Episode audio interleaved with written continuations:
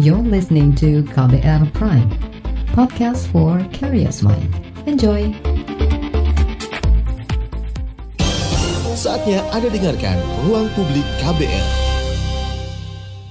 Selamat pagi, kita berjumpa dalam Ruang Publik KBR dengan tema Geliat UMKM di fase kenormalan baru. Bersama saya Eka Juli. Saudara, pandemi COVID-19 turut menghantam sektor usaha mikro, kecil, dan menengah atau UMKM.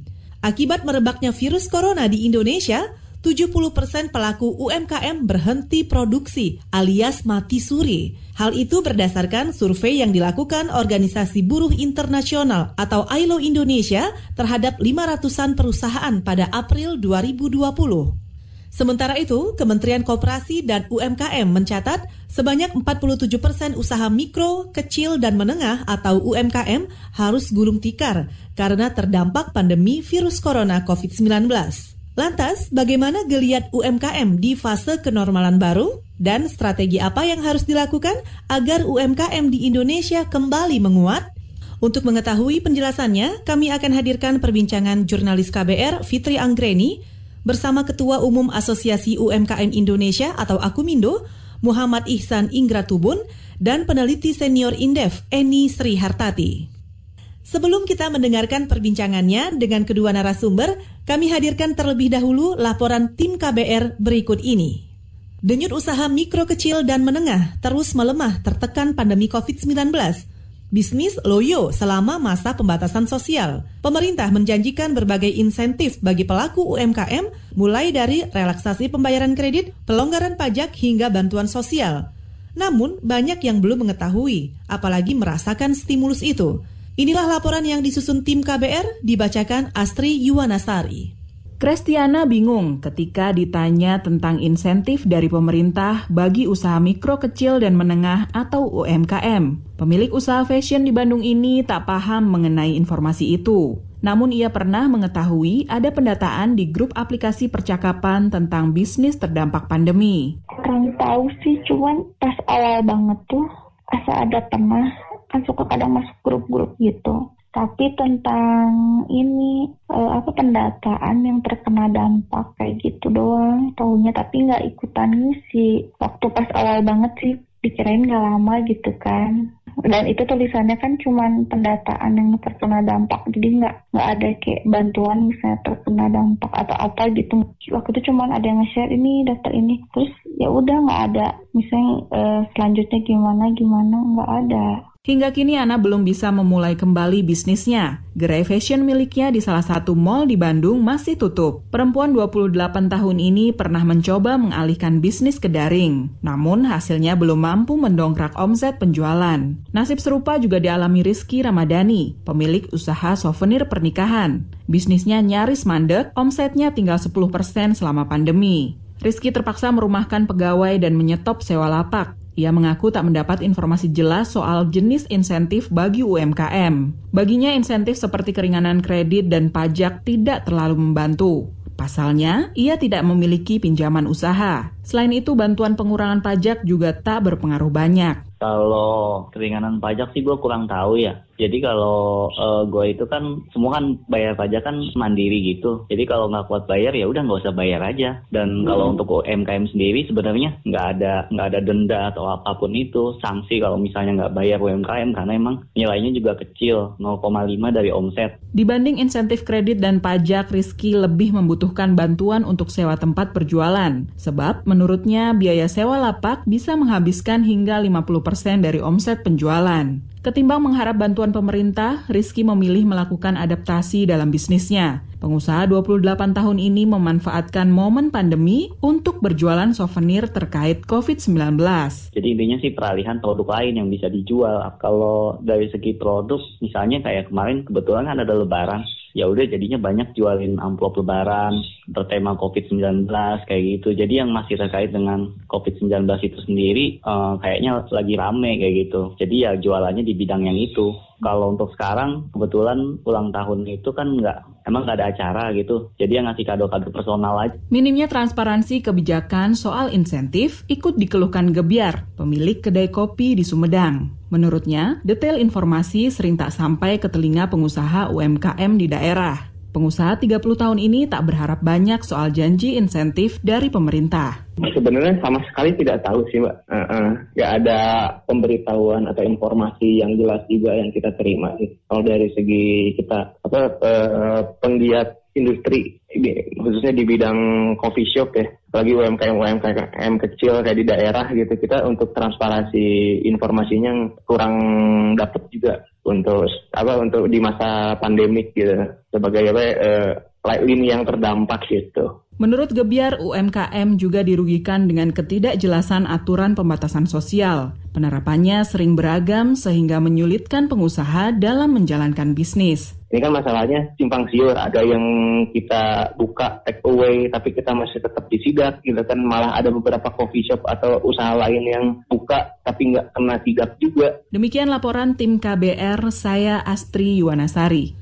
Pada sesi ini, kami akan berbincang bersama Ketua Umum Asosiasi UMKM Indonesia atau Akumindo, Muhammad Ihsan Ingratubun, untuk mengetahui bagaimana kondisi UMKM di kala pandemi dan bagaimana persiapan di fase kenormalan baru. Berikut perbincangannya. Baik San, sebelum kita berbincang lebih jauh mengenai persiapan UMKM di fase new normal, bisa Anda jelaskan terlebih dahulu bagaimana kondisi UMKM dalam negeri saat ini Pak, terutama selama masa pandemi ini?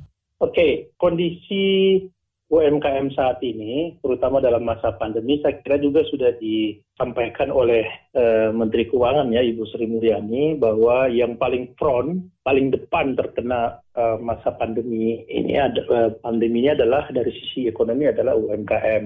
Nah, mengapa? Karena memang UMKM ini adalah berbasis harian pemasukannya. Apabila kalau ditutup atau PSBB seperti saat ini, maka kegiatan kegiatan jual beli harian itu juga berhenti. Nah, maka dari itu dampak mulai dari bulan Januari pada saat mulai Wuhan ya pandemi dari Wuhan itu mulai kan pariwisata sudah apa namanya sudah jauh turun industri kreatif industri yang berhubungan usaha-usaha yang berhubungan dengan pariwisata itu tapi berhenti seperti tour and travel dan tiketing dan seterusnya sudah mati itu sampai saat ini. Nah yang kedua di bulan Februari adalah sudah mulai yang namanya passion sudah mulai hancur lebur. Ya, karena orang tidak lagi berpikir terkait dengan apa, eh, apa baju baru, celana baru dan seterusnya. Apalagi pada saat masuk di bulan Maret. Nah, di bulan Maret ini yang paling parah karena juga berdampak kepada karena sudah mulai PSBB atau isu lockdown itu mulai parah yaitu dari sisi juga eh, makanan. Ketiga unsur uh, yang saya sebutkan usaha-usaha yang saya sebutkan usaha besar ini dari, dari sisi UMKM inilah penyumbang terbesar PDB di Indonesia yaitu 64 persen produk domestik bruto dan juga penyumbang terbesar uh, 94 persen atau 95 persen itu penyerapan tenaga kerja. Kalau dikatakan potretnya bahwa memang UMKM ya hancur lebur kalau secara umum. Nah, hanya yang bisa bertahan itu adalah UMKM yang melakukan penjualan lewat online itu pun dari katakanlah omsetnya yang 100 kalau dalam, dalam saat normal, dia hanya bisa mendapatkan 15 sampai 20 persen yang bisa jualan lewat online. Nah, nah itu yang bisa bertahan. Tapi yang usaha-usaha yang bisa bertahan selama pandemi adalah usaha yang di bidang pangan, ya pangan atau makanan lah, makanan karena orang di rumah butuh makan saja, tidak butuh lagi apa namanya e, gaya-gayaan kan. Makanya ada di medsos itu ibu-ibu pakai tas, pakai apa mau ke mana? tahunya mau, mau nyiram kan, mau nyiram mau nyiram bunga gitu. Jadi tidak butuh lagi yang namanya pakaian dan seterusnya. Sampai saat ini, di potretnya adalah UMKM adalah hancur lebur karena basisnya adalah basis harian, sedangkan tidak bisa melaksanakan kegiatan ekonomi. Potretnya saat ini. Tapi yang, yang hanya bisa bertahan adalah lewat uh, apa namanya berjualan atau berusaha lewat online. Itu pun hanya 15 dan 20 persen daripada usahanya uh, bisa mendapatkan omset tersebut apabila dan itu sekarang kan sudah bersaing luar biasa juga kan. Nah dan juga usaha-usaha bidang uh, apa namanya makanan. Nah terutama penjual-penjual sayur itu yang diuntungkan pada saat apa namanya pada saat pandemi ini penjual sayur dan juga penjual daripada sembako lah. Uh, kalau dilihat itu secara keseluruhan total dari ribuan UMKM di Indonesia itu yang bisa dikatakan mati suri itu selama pandemi ini berapa banyak Pak? Ya kalau dilihat daripada eh, contoh saja ya contoh penerimaan di DKI ya tentu penerimaan di DKI pajak itu pajak dia hanya bisa ber, memperoleh 45% daripada pajak yang sebelumnya pada saat kondisi normal. Berarti berdampak itu terhadap uh, lebih kurang 55 persen, ya 55 persen daripada ini kalau di DKI ya 55 persen uh, daripada penghasilan di DKI. Makanya dampak-dampaknya termasuk daripada uh, penyumbang terbesar adalah UMKM dari sisi pajak-pajak itu. Jadi eh, kalau dibilang berapa persen, bahwa ini saya kami punya keyakinan dari Akumindo punya keyakinan bahwa 64 persen PDB dalam pandemi mulai dari bulan 2 sampai bulan sekarang itu turun sekitar 70 sampai 80 persen gitu. Jadi penyumbang PDB-nya itu sudah jauh turun lah, sangat jauh menurun. Tapi sekitar 70 sampai 70 80 persen. Eh, ekstrimnya di eh, ekstrimnya di angka 80 tapi sekitar 70 persen itu jauh menurun gitu. Nah, terutama dari sisi juga bisa berdampak dari sisi perolehan pajak itu kan. Dan ini bisa makin turun, Pak? Ya, begini. Eh, hubungannya juga dengan ketenaga kerjaan sama ekuivalen itu. Kalau misalnya dia hanya bisa bertahan di 20% omset, berarti dia dia menurut dia merumahkan atau memberhentikan apa pekerjanya juga di sekitar 75 sampai 80 persen pekerja sudah tidak lagi bekerja. Nah pertanyaannya tadi apakah ini bisa berdampak terus?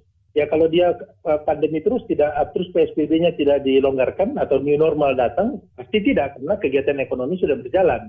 Tapi tentunya dengan protokol kesehatan, ya kan gitu. Nah tapi kalau dibilang berdampak terus saya kira agak agak sulit karena sudah mau dilonggarkan PSBB kan. Nah itu itu itu itu pasti kalau kalau dilonggarkan PSBB kan kegiatan ekonomi sudah mulai berjalan. Berarti kan dampaknya tidak secara terus menerus. Seberapa besar optimisme pelonggaran PSBB ini bisa mendongkrak UMKM, Pak? Begini, seperti tadi yang saya sudah utarakan bahwa UMKM ini kan berbasis karya. Apabila sudah dibuka, berarti kan interaksi interaksi antara penjual dan pembeli berlangsung ya kan gitu orang mulai bisa keluar untuk mencari nafkah, mencari rezeki, membuka peluang dan seterusnya. Terjadilah yang namanya interaksi ekonomi atau kegiatan ekonomi. Penjual dan pembeli bertemu, akhirnya terjadi yang namanya satu uh, kegiatan ekonomi.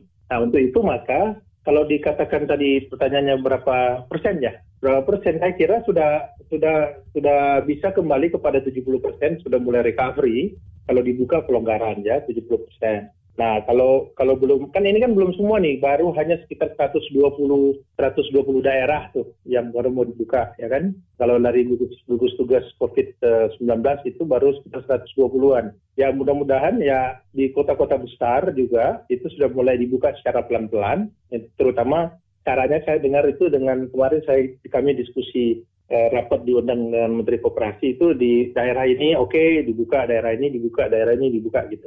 Nah, saya kira bisa kembali dengan 70 persen. Tentunya memulai usaha, memulai usaha kembali perlu yang namanya ada bantuan atau uh, asistensi daripada pemerintah, terutama dari sisi permodalan kan gitu.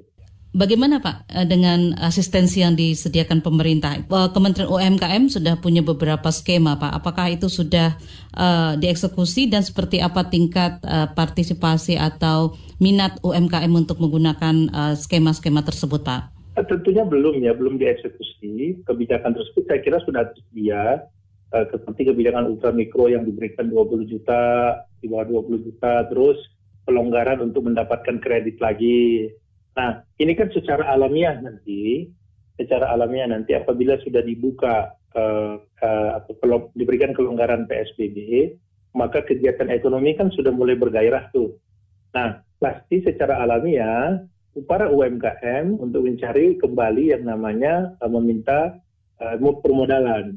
Nah, apabila apa, uh, apa yang dilakukan oleh pemerintah saat ini kan membuka keran-keran untuk melaksanakan kredit, akan gitu untuk memperoleh kredit dengan mudah. Saya kira itu merupakan langkah-langkah yang baik ya, langkah-langkah yang bagus. Yang penting, yang penting nanti penerapannya, penerapannya ini supaya betul-betul uh, keberpihakan itu terjadi.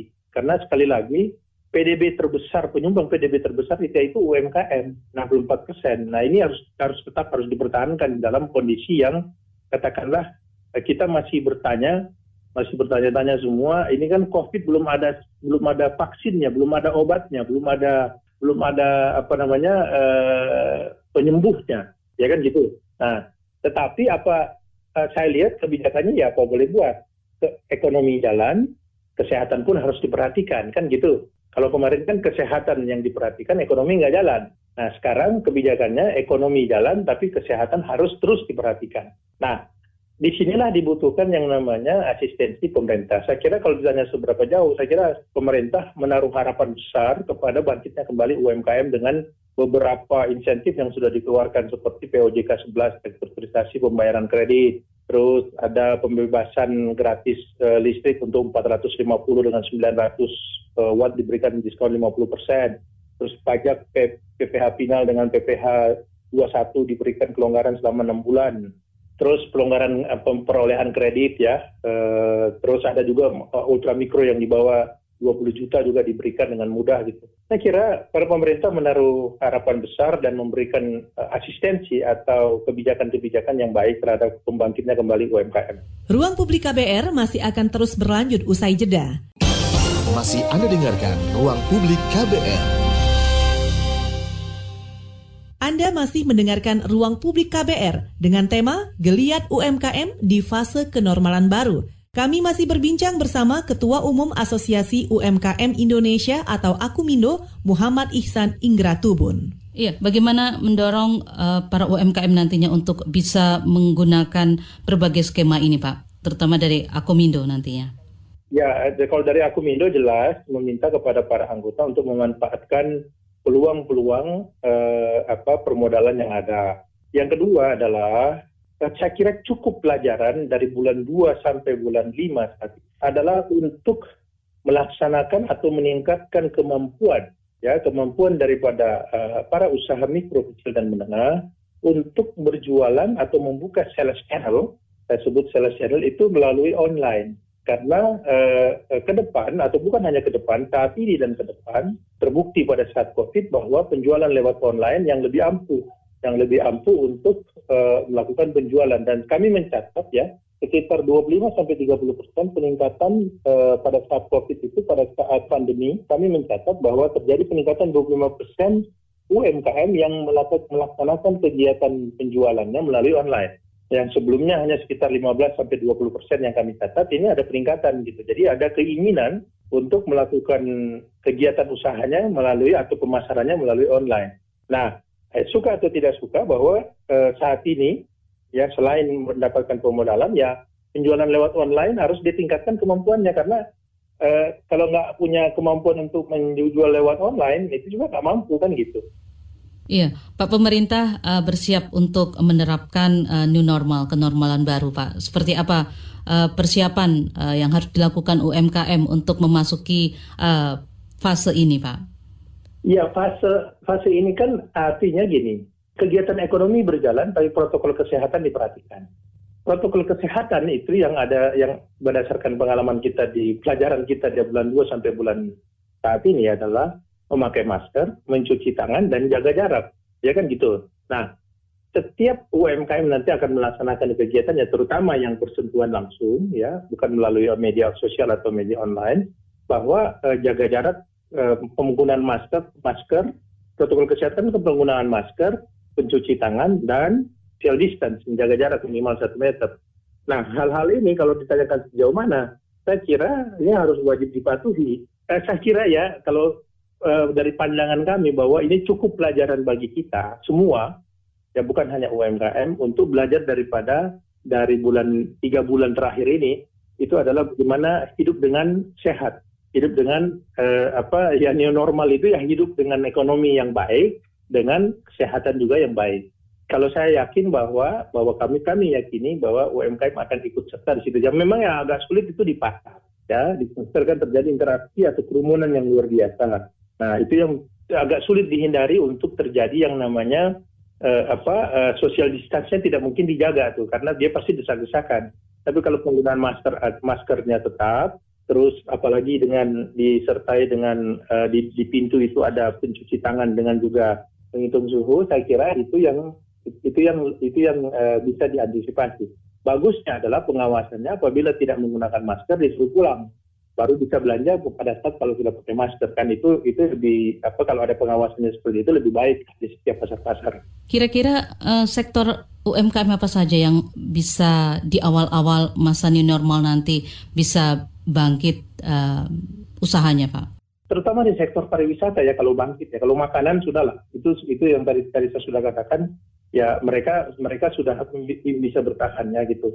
Nah, terutama yang yang parah kan ini kan adalah di pihak travel dan pariwisata kan dan industri kreatif. Ya, mudah-mudahan dengan dibukanya itu pariwisata sudah mulai masuk, berarti kan eh, apa ini yang pertama bangkit dulu lah.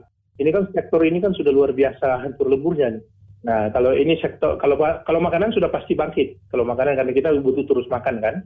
Tapi kalau sektor pariwisata dan akhirnya kepada uh, sektor yang namanya fashion atau belanja pakaian, celana dan seterusnya mudah-mudahan bisa bergairah setelah ini.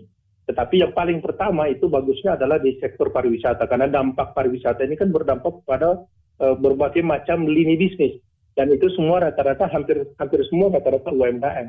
Akumindo sendiri Pak, seperti apa mempersiapkan anggotanya untuk um, mempersiapkan diri untuk menghadapi uh, new normal ini Pak? Ya perjuangan kami asosiasi ya dengan anggota-anggota kita, apalagi kami yang di pusat adalah pertama yaitu perjuangan-perjuangan kami seperti restrukturisasi, keberpihakan UMKM itu tetap ada, pengadaan barang dan jasa itu berpihak kepada UMKM bahwa bahwa ini adalah pelajaran apabila kita terlalu bergantung dengan produk impor kan gitu. Nah produk-produk yang ada di apa eh, produk-produk yang ada di eh, UMKM atau produk kearifan lokal itu wajib dibeli oleh pemerintah tidak lagi melihat kualitasnya dan seterusnya, berikan kesempatan untuk uh, membeli. Nah, itu perjuangan kami dari Asosiasi UMKM di Lembaga Pengadaan Barang dan Jasa atau LKPP, ya. Itu dan itu sudah mengaung, sudah mengaung di tingkat uh, pemerintah atau di Pak, Pak Jokowi itu sudah mencanangkan hal tersebut. Juga pemberian kredit, pemberian kredit yang lunas, terus insentif daripada perpajakan dan seterusnya. Bahwa perjuangan ini ini adalah bagi ditujukan bagi pengusaha UMKM yang berada dalam anggota kami dan juga bukan anggota kami. Bahwa memanfaatkan uh, memanfaatkan uh, keberpihakan ini keberpihakan pemerintah ini kepada kita yang akan bangkit UMKM yang akan bangkit itu. Nah, manfaatkan dengan baik. Tapi kebijakan-kebijakan inilah tatanan yang kami perjuangkan di uh, kepada pemerintah itu. Dan saya kira pemerintah menyambut baik Kira-kira ada sektor usaha yang nantinya masih akan sulit untuk bangkit, Pak, dengan new normal ini? Kalau sektor usaha yang akan bukan akan sulit bangkit, tetap dia bangkit, tapi dia bangkit perlahan ya.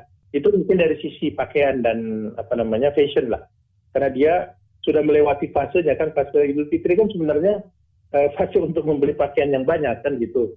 Tetapi karena sudah lewat, bahwa dia nanti akan pelan-pelan baru bisa bangkit. Tapi tetap bangkit tapi pelan-pelan. Tapi yang diharapkan kita yang bangkit awal itu adalah sektor pariwisata, industri kreatif dan seterusnya, uh, travel, ticketing dan lain sebagainya. Ini yang ini yang harapan kita bangkit sehingga berdampak kepada usaha-usaha yang lain, lini-lini usaha yang lain terhadap, usaha uh, terhadap pariwisata ini. Karena dampaknya cukup luar biasa, cukup luar biasa dari sektor pariwisata. Kira-kira apa yang harus diwaspadai akan menjadi katakanlah uh, penghambat UMKM nantinya untuk bisa bangkit kembali Pak, terutama seperti yang Anda sebutkan tadi sektor pariwisata dan mungkin nantinya fashion begitu Pak? Ya modalnya saja, modalnya karena uh, secara langsung bahwa seperti yang tadi saya sudah katakan, uh, utarakan bahwa UMKM ini kan pendapatannya harian. Dari pendapatan harian tersebut, dia alokasikan untuk pembayaran gaji, pembayaran macam-macam, termasuk pembayaran kredit di dalamnya, bank. Ya kan gitu. Nah, kalau misalnya dia tidak mampu membayar kreditnya, berarti kan dia sudah terikat dengan yang namanya BI checking atau punya rekod yang buruk. Nah, kalau dia mau bangkit lagi untuk mendapatkan modal kan agak sulit, ya kan gitu karena sudah punya BI checking. Nah ini yang menjadi kendala, kendala nanti para UMKM untuk bisa bangkit kembali. Nah mudah-mudahan pemerintah bisa melihat ini supaya diberikan kelonggaran, ya kelonggaran untuk dia mereka bisa bangkit lagi supaya bisa membayar kreditnya yang belum bisa dibayar kan gitu. Itu yang bisa itu, itu saya lihat menjadi kendala. Ya mudah-mudahan pelajaran berharga ini juga eh, kendala yang harus diperhatikan juga adalah pengetahuan-pengetahuan tentang penjualan lewat online. Nah, ini ini ini juga yang harus di apa harus diupayakan untuk ditingkatkan supaya tidak menjadi kendala di kemudian hari bahwa semua orang bisa melaksanakan penjualan lewat online. Dengan um, kenormalan baru ini, new normal ini, salah satu persoalan permodalan juga cara penjualan online yang masih terus harus ditingkatkan. Daya beli masyarakat, Pak, seperti apa? Ya, begini. Sebenarnya daya beli masyarakat ini adalah bukan saat sekarang, ya sudah turun. Itu sejak sejak tahun lalu. Sejak tahun lalu itu 2019 sudah sangat jauh menurun. Dari pengalaman pengamatan kami itu, bahwa misalnya uh, di bulan di bulan puasa ya apalagi di bulan puasa saat ini apalagi tingkat daya beli saat masyarakat saat ini bahwa dia kehilangan pekerjaan dia dirumahkan yang tadi saya katakan bahwa 94 persen atau 95 persen itu kan UMKM penyerapan tenaga kerja sedangkan 80 persen tenaga kerja sudah dirumahkan kan gitu. Nah dia nggak punya duit untuk uh, untuk membelilah katakanlah mengkonsumsi. Nah jadi memang uh, kendalanya adalah daya beli masyarakat ini lama mungkin lebih kurang kalau perhitungan kami itu baru terjadi yang baik, agak bagus itu di bulan September atau Oktober. Kalau kalau di bulan Juni ini sudah mulai dibuka, tapi ke, kemampuan daya beli baru terjadi di di mungkin akhir akhir tahun ini. Baru kemampuan daya beli agak mulai kembali normal. Nah itu juga yang me, me, apa namanya? Yang me, mengakibatkan harus butuh pelan-pelan untuk bangkit, pelan-pelan untuk bangkit karena daya beli ya baru baru di bulan akhir akhir tahun ini baru baru baru baru keadaan kembali normal karena kan pekerjaan kan belum tentu ada belum tentu ada kan orang bangkit lagi kan berarti kan harus dari mulai dari nol. Ruang Publik KBR masih akan terus berlanjut usai jeda. Masih Anda dengarkan Ruang Publik KBR. Anda masih mendengarkan Ruang Publik KBR. Pada segmen ini, jurnalis KBR Fitri Anggreni berbincang bersama peneliti senior Indef Eni Srihartati mengenai strategi yang tepat dilakukan untuk membangkitkan UMKM di fase kenormalan baru. Berikut penjelasannya. Kementerian UMKM mencatat kalau 47 persen jumlah UMKM di Indonesia mati di kala pandemi, Mbak Eni. Mungkin bisa dijelaskan apa yang menjadi penyebab hampir separuh jumlah UMKM ini mati di tengah pandemi, Mbak? Ya, jadi UMKM sesuai dengan namanya usaha uh, mikro, bahkan tidak hanya menengah kecil ya, tapi juga ultra mikro, mikro dan kecil sampai menengah itu UMKM. Nah, tentu kalau uh, untuk jenis usaha terutama yang ultra mikro, mikro dan kecil itu semuanya mempunyai keterbatasan, terutama keterbatasan dalam hal kapasitas produksi, dalam hal kemampuan finansial, dalam hal kemampuan uh, networking pasar dan sebagainya. Nah, dengan adanya pandemi itu kan otomatis ya otomatis ada shock atau ada kendala ke, uh, gangguan baik gangguan dalam hal distribusi maupun dalam hal penurunan permintaan masyarakat. Nah, sehingga begitu ada shock tadi, pertama tentu ketika ada jaringan distribusi, pertama uh, yang terkena dampak adalah jaring distribusi untuk pasokan bahan baku. Karena mereka tadi uh, sangat uh, apalagi yang ultra mikro dan mikro kecil ya, itu kan size usahanya kecil.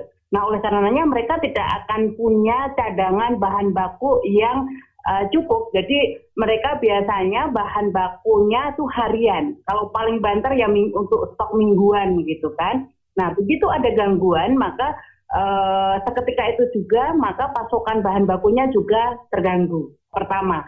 Nah, sehingga mereka bisa jadi langsung terhenti produksinya. Nah, kedua, ketika ada gangguan penurunan permintaan, uh, penurunan permintaan pertama pasti akan yang dikurangi itu biasanya yang daya belinya yang mudah disubstitusi. Sementara hampir semua produk-produk UMKM ini uh, sangat mudah untuk mendapatkan substitusinya gitu kan, apalagi substitusinya yang uh, dengan biaya mungkin yang lebih murah. Nah, sehingga ini langsung punya dampak dua sisi. Jadi sisi dari uh, produksi karena ke, mereka kesulitan bahan baku sehingga kalaupun memaksakan untuk mendapatkan bahan baku tentu kan uh, mereka harus membeli dengan harga yang lebih mahal. Kalau lebih mahal maka tidak akan uh, kompetitif. Nah, kalau tidak kompetitif lagi maka dampaknya terhadap tadi alternatif uh, konsumen untuk mencari barang-barang substitusinya.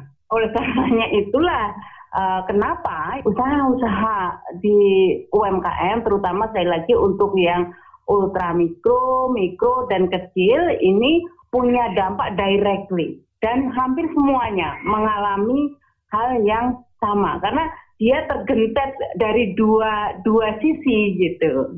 Nah, tapi ada setengahnya juga kan Mbak ya UMKM yang masih bisa bertahan begitu Mbak? Pertama yang bisa bertahan itu yang punya uniqueness. Uniqueness itu uh, terutama sekali yang produknya punya elastisitas yang inelastis biasanya itu adalah produk-produk kebutuhan pokok, misalnya makanan gitu kan.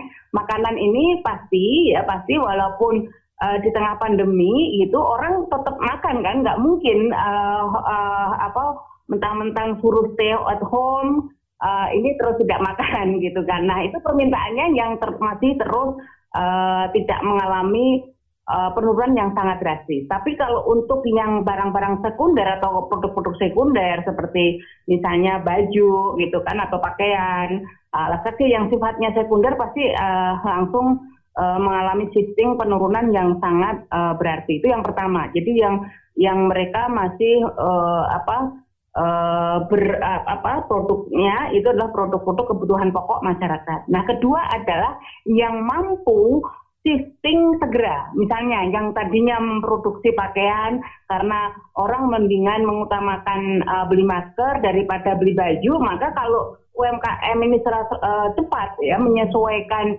dinamika permintaan di masyarakat, mereka langsung beralih misalnya menjadi memproduksi uh, masker, memproduksi pon-pon yang bisa secara instan dijual ke masyarakat. Ini juga permintaannya tinggi. Nah, kemampuan adaptasi ini yang sebenarnya ya uh, sangat dibutuhkan. Nah, apalagi ya kalau mereka mampu shiftingnya itu dalam variasi produk yang lebih beragam. Karena dengan adanya pandemi kemarin ini kan banyak sekali rantai pasok yang berasal dari impor ini hampir semuanya terganggu. Ya, jadi kita kan uh, yang paling sederhana yang bisa langsung di replace oleh UMKM sebenarnya misalnya mainan anak-anak. Mainan anak-anak itu jumlahnya sangat besar dan mostly uh, selama ini kan dari impor. Uh, juga uh, apa namanya produk-produk termasuk alas kaki sebenarnya alas kaki ini kan juga banyak yang uh, apa dari impor gitu kan. Nah artinya banyak sekali kebutuhan pokok masyarakat yang tadinya ini diimpor karena uh, harganya yang terlalu yang lebih murah gitu kan, yang lebih murah daripada produk-produk dalam negeri ini sebenarnya kesempatan juga untuk usaha-usaha UMKM uh, mengambil momentum atau peluang itu untuk mengisi pasar. Nah, cuman persoalannya kan uh, apa mereka tentu harus dibantu ya dibantu dengan uh, bagaimana mendapatkan akses bahan baku, bagaimana uh, mempunyai uh, kemampuan untuk beradaptasi meniru tadi berbagai macam produk-produk yang uh, bukan produk awalnya gitu kan. Uh, ketika melalui ini kan harus belajar dan sebagainya gitu. Nah sebenarnya kalau ada pendamping-pendamping yang uh, mempercepat trans transformasi itu gitu kan untuk uh, UMKM ini shifting ke produk-produk yang uh, mempunyai permintaan tinggi gitu kan permintaan tinggi di masa pandemi ini tentu juga akan menjadi peluang dari UMKM. Kalau Mbak ini sendiri melihat kemampuan adaptasi UMKM Mbak dalam eh, berbagai level dalam menghadapi berbagai situasi itu seperti apa Mbak? Itu sesuatu yang bisa didorongkah atau itu instingtif saja Mbak? Secara natural ya secara natural kalau kita hanya mengandalkan kemampuan adaptasi mereka tentu rendah. Karena kan e, sekali lagi pelaku UMKM ini kan mempunyai banyak keterbatasan keterbatasan pengetahuan keterbatasan informasi ke keterbatasan akses terhadap tadi ya alternatif sumber bahan baku baru dan sebagainya. Artinya kalau e, kita hanya e, apa berharap bahwa uh, terutama sekali lagi yang ultra mikro, mikro dan kecil ya. Ini mereka langsung dengan sendirinya uh, melihat peluang pasar itu pasti uh, apa terbatas sekali. Kalaupun ada ya jumlahnya uh, terbatas. Jadi uh, tetapi kalau kita mengharapkan ya shifting ini bisa lebih uh, gitu artinya prosesif itu bisa di, lebih banyak lagi Eh, para UMKM ini mengambil peran, maka harus ada ya ada satu dorongan atau fasilitasi atau insentif atau rekayasa lah bahasa ekonominya gitu. Rekayasa kan nggak selalu konotasi negatif ya. Rekayasa uh, transformatif gitu untuk UMKM kita. Nah ini yang justru sebenarnya uh, berpeluang ya berpeluang untuk uh, meningkatkan transformasi ekonomi bahkan secara makro, terutama untuk mengisi produk-produk yang selama ini terlalu banyak tergantung kepada pasokan impor. Kalau menurut Mbak Eni seperti apa bantuan atau asistensi itu sudah diterima oleh uh, pelaku UMKM, Mbak? Itu yang sangat disayangkan. Jadi teorinya sebenarnya saya yakin Kementerian UMKM dan juga uh, stakeholder yang terkait itu tahu lah gitu kan bahwa ini sebenarnya ada momentum yang bisa dimanfaatkan oleh para UMKM dan bahkan juga UMKM-nya sendiri juga berkeinginan gitu. Nah sayangnya gitu kan sayangnya yang melakukan itu secara cepat dan tereksekusi secara konkret di lapangan itu yang uh, masih sangat uh, terbatas gitu bahwa di dalam wacana-wacana diskusi misalnya ya Kementerian UMKM punya banyak program-program itu gitu kan tetapi sekali lagi sayangnya yang bisa tereksekusi sampai hari ini masih sangat terbatas. Ruang Publik KBR masih akan terus berlanjut usai jeda. Masih Anda dengarkan Ruang Publik KBR. Kita tiba di bagian akhir Ruang Publik KBR hari ini masih membahas tema Geliat UMKM di fase kenormalan baru bersama peneliti senior Indef Eni Sri Hartati. Ya, sebenarnya langkah prioritas apa Mbak yang uh, penting dilakukan untuk membantu UMKM ini saat ini Mbak? Pertama sebenarnya yang paling utama itu akses pasar. Jadi selama ini kan uh, dalam mendeteksi ya, mendeteksi persoalan UMKM itu menurut saya sudah ada pergeseran. Kalau dulu betul memang uh, pembiayaan, pembiayaan itu kan sekarang sudah banyak skema-skema misalnya seperti kur ya bahkan juga untuk kredit ultramikro kan ada UMI dan sebagainya gitu kan. Nah, tetapi sekalipun mereka mendapatkan akses pembiayaan tapi kalau uh, kemampuan menembus pasar ini terbatas, percuma gitu kan? Karena sebenarnya kalau uh, eh, UMKM ini bisa survive, artinya survive itu produk-produknya bisa diterima pasar, menembus pasar, itu dengan sendirinya berbagai macam uh, lembaga-lembaga pembiayaan, terutama perbankan itu mencari sendiri gitu kan. Nah, tentu untuk bisa menembus pasar itu tidak hanya sekedar katakan memberikan informasi bahwa bisa dilakukan secara e-commerce atau daring gitu kan. Nah, bagaimana memberikan akses mereka eh, apa infrastruktur untuk mereka menembus pasar. Dengan kalau misalnya pada kenyataannya sampai hari ini UMKM kita yang terakses uh, dengan internet aja masih 13 persen gitu kan. Dan dikarenakan misalnya karena uh, keterbatasan SDM mereka pertama. Apalagi kalau misalnya infrastruktur telekomunikasinya jaringan internetnya belum banyak tersebar gitu ke berbagai macam daerah-daerah terutama daerah-daerah pelosok gitu kan. Sehingga memang program uh, pemberdayaan UMKM itu membutuhkan satu ekosistem. Artinya sistemik gitu kan tidak bisa parsial-parsial. Misalnya pemerintah satu sisi meluncurkan pembiayaan murah melalui subsidi kur. Tidak hanya itu. Jadi kalau istilah sederhananya dulu kan jangan beli ikan beli pancing. Oke uh, pancing saja itu tidak cukup. Jadi harus ada kolam atau environment. Jadi biar ikannya tumbuh, ini kan nanti bisa dipancing kan harus ada uh, kolam ya untuk mereka tumbuh dulu. Nanti kalau sudah tumbuh membesar baru bisa dipancing gitu kan dengan alat pancing tadi gitu kan. Nah sehingga ini yang harus ada satu koordinasi antar uh, pemangku kepentingan. Jadi kalau misalnya dari sisi dukungan pembiayaan ini sudah uh, memadai, maka bagaimana eh, regulasi-regulasi uh, tentang uh, aksesibilitas UMKM kita terhadap uh, pasar? Uh, bagaimana dengan um, posisi daya beli masyarakat dalam uh, skema penyediaan pasar itu, Mbak? Iya, memang ini kan kayak ayam dan telur ya. Jadi penyedia lapangan pekerjaan yang paling besar untuk masyarakat itu, terutama masyarakat menengah ke bawah itu UMKM.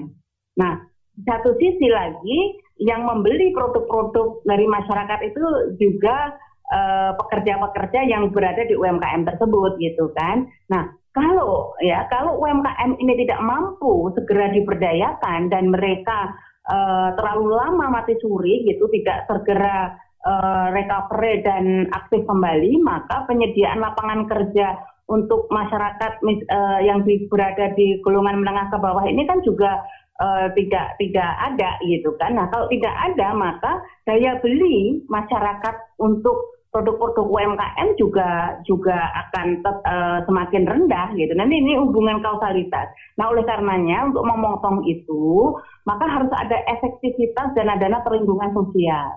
Jadi ini kan uh, skema perlindungan sosial dalam rangka memitigasi COVID ini kan sebenarnya dari sisi jumlah kan uh, lebih dari cukup karena uh, luncuran baru untuk tambahan penanganan COVID untuk perlindungan sosial kan 105 uh, triliun sendiri gitu kan dan sebelumnya sudah ada sekitar uh, 300 triliun gitu. Nah kalau ini benar-benar efektif ya efektif uh, tersalurkan kepada masyarakat yang rentan miskin dan miskin yang terkena dampak dari COVID ini sebenarnya yang akan menumbuhkan tetap adanya daya beli masyarakat gitu. Minimal menahan lah, menahan agar uh, penurunan daya beli masyarakat itu tidak uh, drop sampai minus gitu. Iya Mbak, kita akan menyiapkan diri untuk masuk dalam kenormalan baru, new normal Mbak.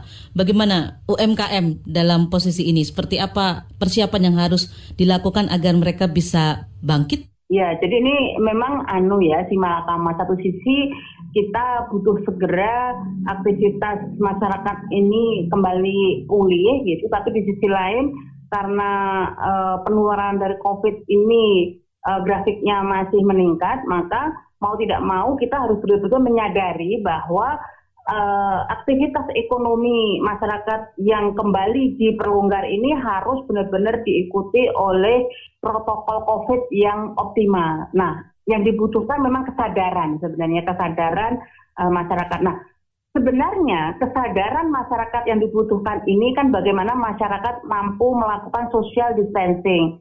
Untuk UMKM sebenarnya tidak terlalu sulit karena apa? Karena UMKM ini kan rata-rata jumlah pekerjanya gitu kan e, di bawah 10. Jadi untuk melakukan social distancing itu sebenarnya tidak terlalu sulit gitu. Justru makanya kenapa kami yang termasuk mengusulkan yang dipulihkan itu UMKM UMKM terlebih dahulu karena UMKM ini yang lebih ya lebih mudah untuk beradaptasi untuk melaksanakan protokol COVID. Beda dengan yang skala besar. Kalau skala besar ini kalau ingin melakukan protokol COVID atau memenuhi protokol COVID, eh, dia kan pertama alternatif pertama kan dia harus menambah ruangan. Atau kalau nggak menambah ruangan dia harus eh, membagi eh, karyawannya dalam eh, beberapa shift gitu kan. Nah tentu itu kan akan akan meningkatkan yang namanya eh, ekonomi biaya tinggi tidak efisien gitu. Kira-kira berapa lama waktu yang dibutuhkan UMKM untuk bisa kembali beraktivitas uh, melakukan usahanya, Mbak?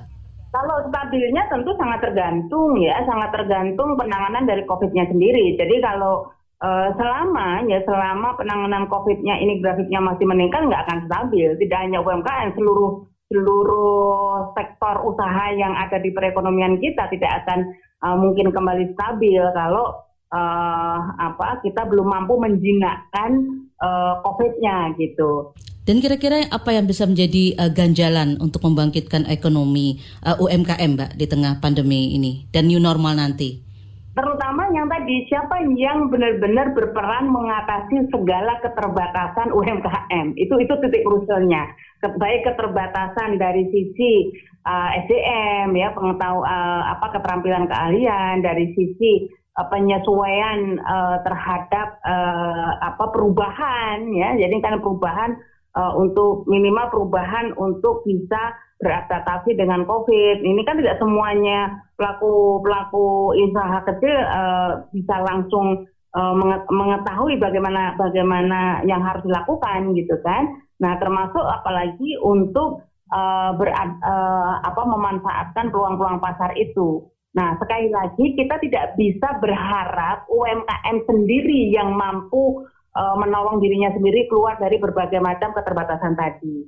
Perlu uluran tangan, perlu dukungan, perlu insentif, perlu fasilitasi dari uh, berbagai macam uh, stakeholder termasuk juga mungkin CSR dari BUMN tadi, uh, insentif program-program dari pemerintah dan uh, terutama juga kepada masyarakat gitu. Karena uh, kalau masyarakat ini juga tidak punya uh, apa perubahan mindset masih apa-apa sukanya barang impor gitu kan, maka ya tidak akan ada pergeseran uh, apa UMKM UMKM kita menjadi tuan rumah di negara sendiri gitu. Demikian ruang publik KBR edisi Geliat UMKM di fase kenormalan baru. Bagi Anda yang tidak sempat mendengarkan siaran ini secara utuh, bisa mendengarkannya kembali di podcast kbrprime.id. Lalu pilih Ruang Publik atau YouTube Berita KBR. Terima kasih atas kebersamaan Anda. Saya Eka Juli undur diri. Salam. Baru saja Anda dengarkan Ruang Publik KBR. KBR Prime, cara asik mendengar berita. KBR Prime, podcast for curious mind.